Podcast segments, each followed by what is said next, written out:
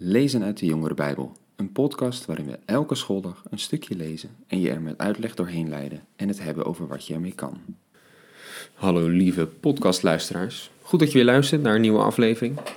We hebben deze week dus over huwelijk en relaties. En we hebben al twee stukken tekst van Jezus erover gelezen, maar ook Paulus. Hij schrijft natuurlijk allemaal brieven naar gemeentes en vragen waarmee ze zitten. Ook Paulus schrijft een aantal keer over huwelijk, over relaties en hoe je met elkaar om moet gaan.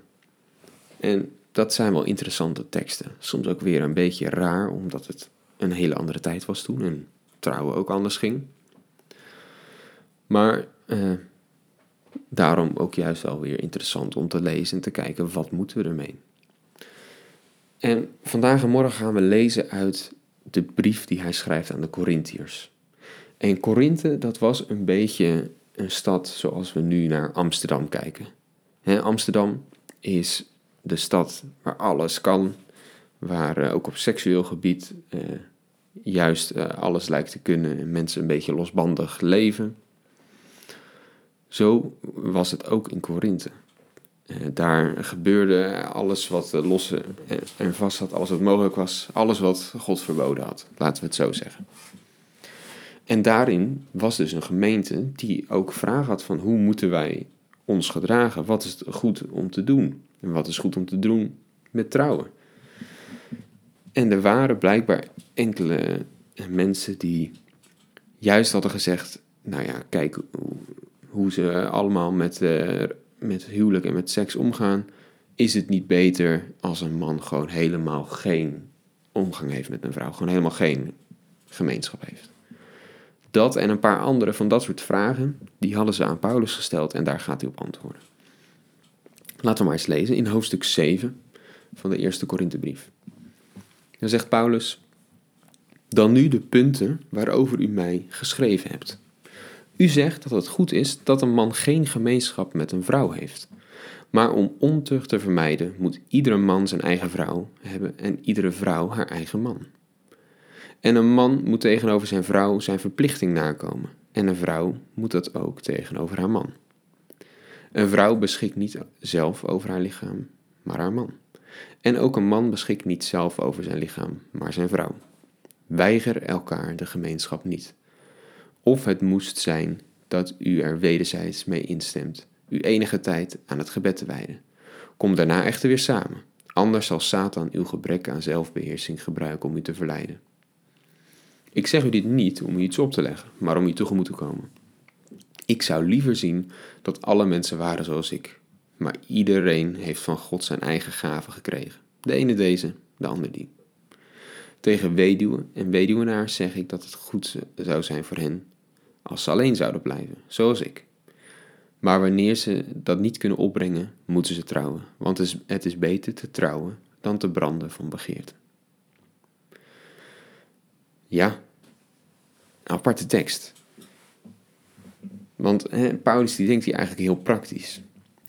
Zij zeggen dus eigenlijk, is het niet beter om gewoon helemaal niks te doen met uh, relaties, om gewoon geen seks te hebben. En, en dan zegt Paulus, nou ja, hè, dat klinkt vroom, maar misschien werkt dat toch niet zo. Want mensen blijven mensen, mensen hebben behoeftes.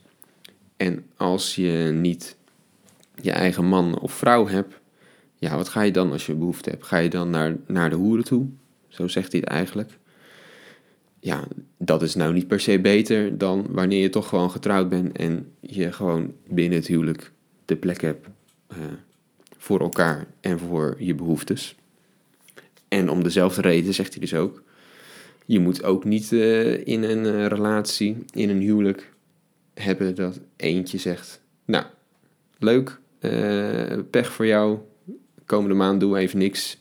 Daar heb ik geen zin in of ik wil me aan God wijden. Dan zegt hij ook van, nee, je hebt verplichtingen naar elkaar toe.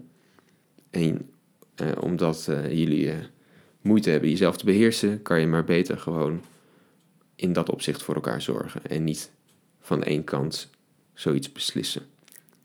Het is goed, zegt hij nog bij, hè, als je dat met elkaar afspreekt, zodat je even op gebed kan focussen.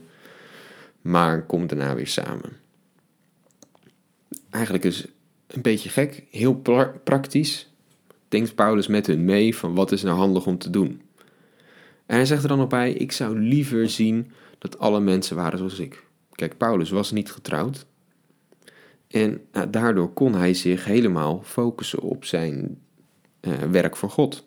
Ja, hij had niet een vrouw om voor te zorgen. Eh, hij hoefde niet rekening te houden met wat zijn vrouw allemaal eh, nodig had, wat ze wilde, wat ze prettig vond. Nee, hij kon gewoon met God bezig zijn. Dat was dus eigenlijk zijn ideaal. Maar hij zegt er wel meteen bij, ja, weet je, dat is niet uh, aan iedereen om zo te leven. Dus uh, dat is misschien meer mijn eigen wens. Hè, en mocht dan het zo zijn dat je partner overlijdt, een weduwe of weduwnaar, dan zegt hij dus ook, ja, uh, wat mij betreft kan je het beste alleen blijven, want dan heb je dus meer tijd voor God. Maar als je die kan opbrengen, kan je opnieuw beter trouwen, want dat is beter dan te branden van begeerte, zegt hij weer. Ja, dus Paulus denkt eigenlijk gewoon praktisch van, is het haalbaar om te zeggen dat je beter niet kan trouwen? Nou, misschien is dat inderdaad niet zo haalbaar, want wij mensen hebben nou eenmaal verlangens en behoeftes. En uh, dat gaat alleen maar fout. En ergens kan ik dit ook niet lezen zonder te denken aan hoe het is fout gegaan in de katholieke kerk. Want daar, de priesters in de katholieke kerk, die moesten altijd uh, leven zonder dat ze getrouwd waren. En het waren juist die priesters die uh, allemaal ontucht pleegden met, uh, met kinderen in de kerk. Vreselijk natuurlijk, maar eigenlijk zie je daar dat Paulus misschien wel een beetje op het goede spoor zat dat, het, dat niet trouwen misschien hè, als opdracht eigenlijk niet werkt, omdat niet iedereen daarmee om kan gaan. Nou ja, goed, laten we het daar niet te lang over hebben. Dat is, uh, dat is niks. Maar ja, apart hè, dat Paulus zelfs zo praktisch erover praat. Laten we nog een klein stukje verder lezen. Degenen die getrouwd zijn, geef ik, nee, niet ik, de Heer geeft hun het volgende gebod. Een vrouw mag niet scheiden van haar man dat lazen we net ook, hè? dat Jezus daar niet zo positief tegenover staat. Tegenover scheiden. Is ze al gescheiden, dan moet ze dat blijven of zich met haar man verzoenen. En een man mag zijn vrouw niet wegsturen. Verder geef ik zelf nog, en dat is dus niet de Heer, het volgende voorschrift. Wanneer een broeder een ongelovige vrouw heeft die bij hem wil blijven, mag hij niet van haar scheiden. Dit geldt ook voor een zuster. Wanneer ze een ongelovige man heeft die bij haar wil blijven, mag ze niet van hem scheiden. Want de ongelovige man behoort dankzij zijn vrouw God toe en de ongelovige vrouw dankzij haar man eveneens.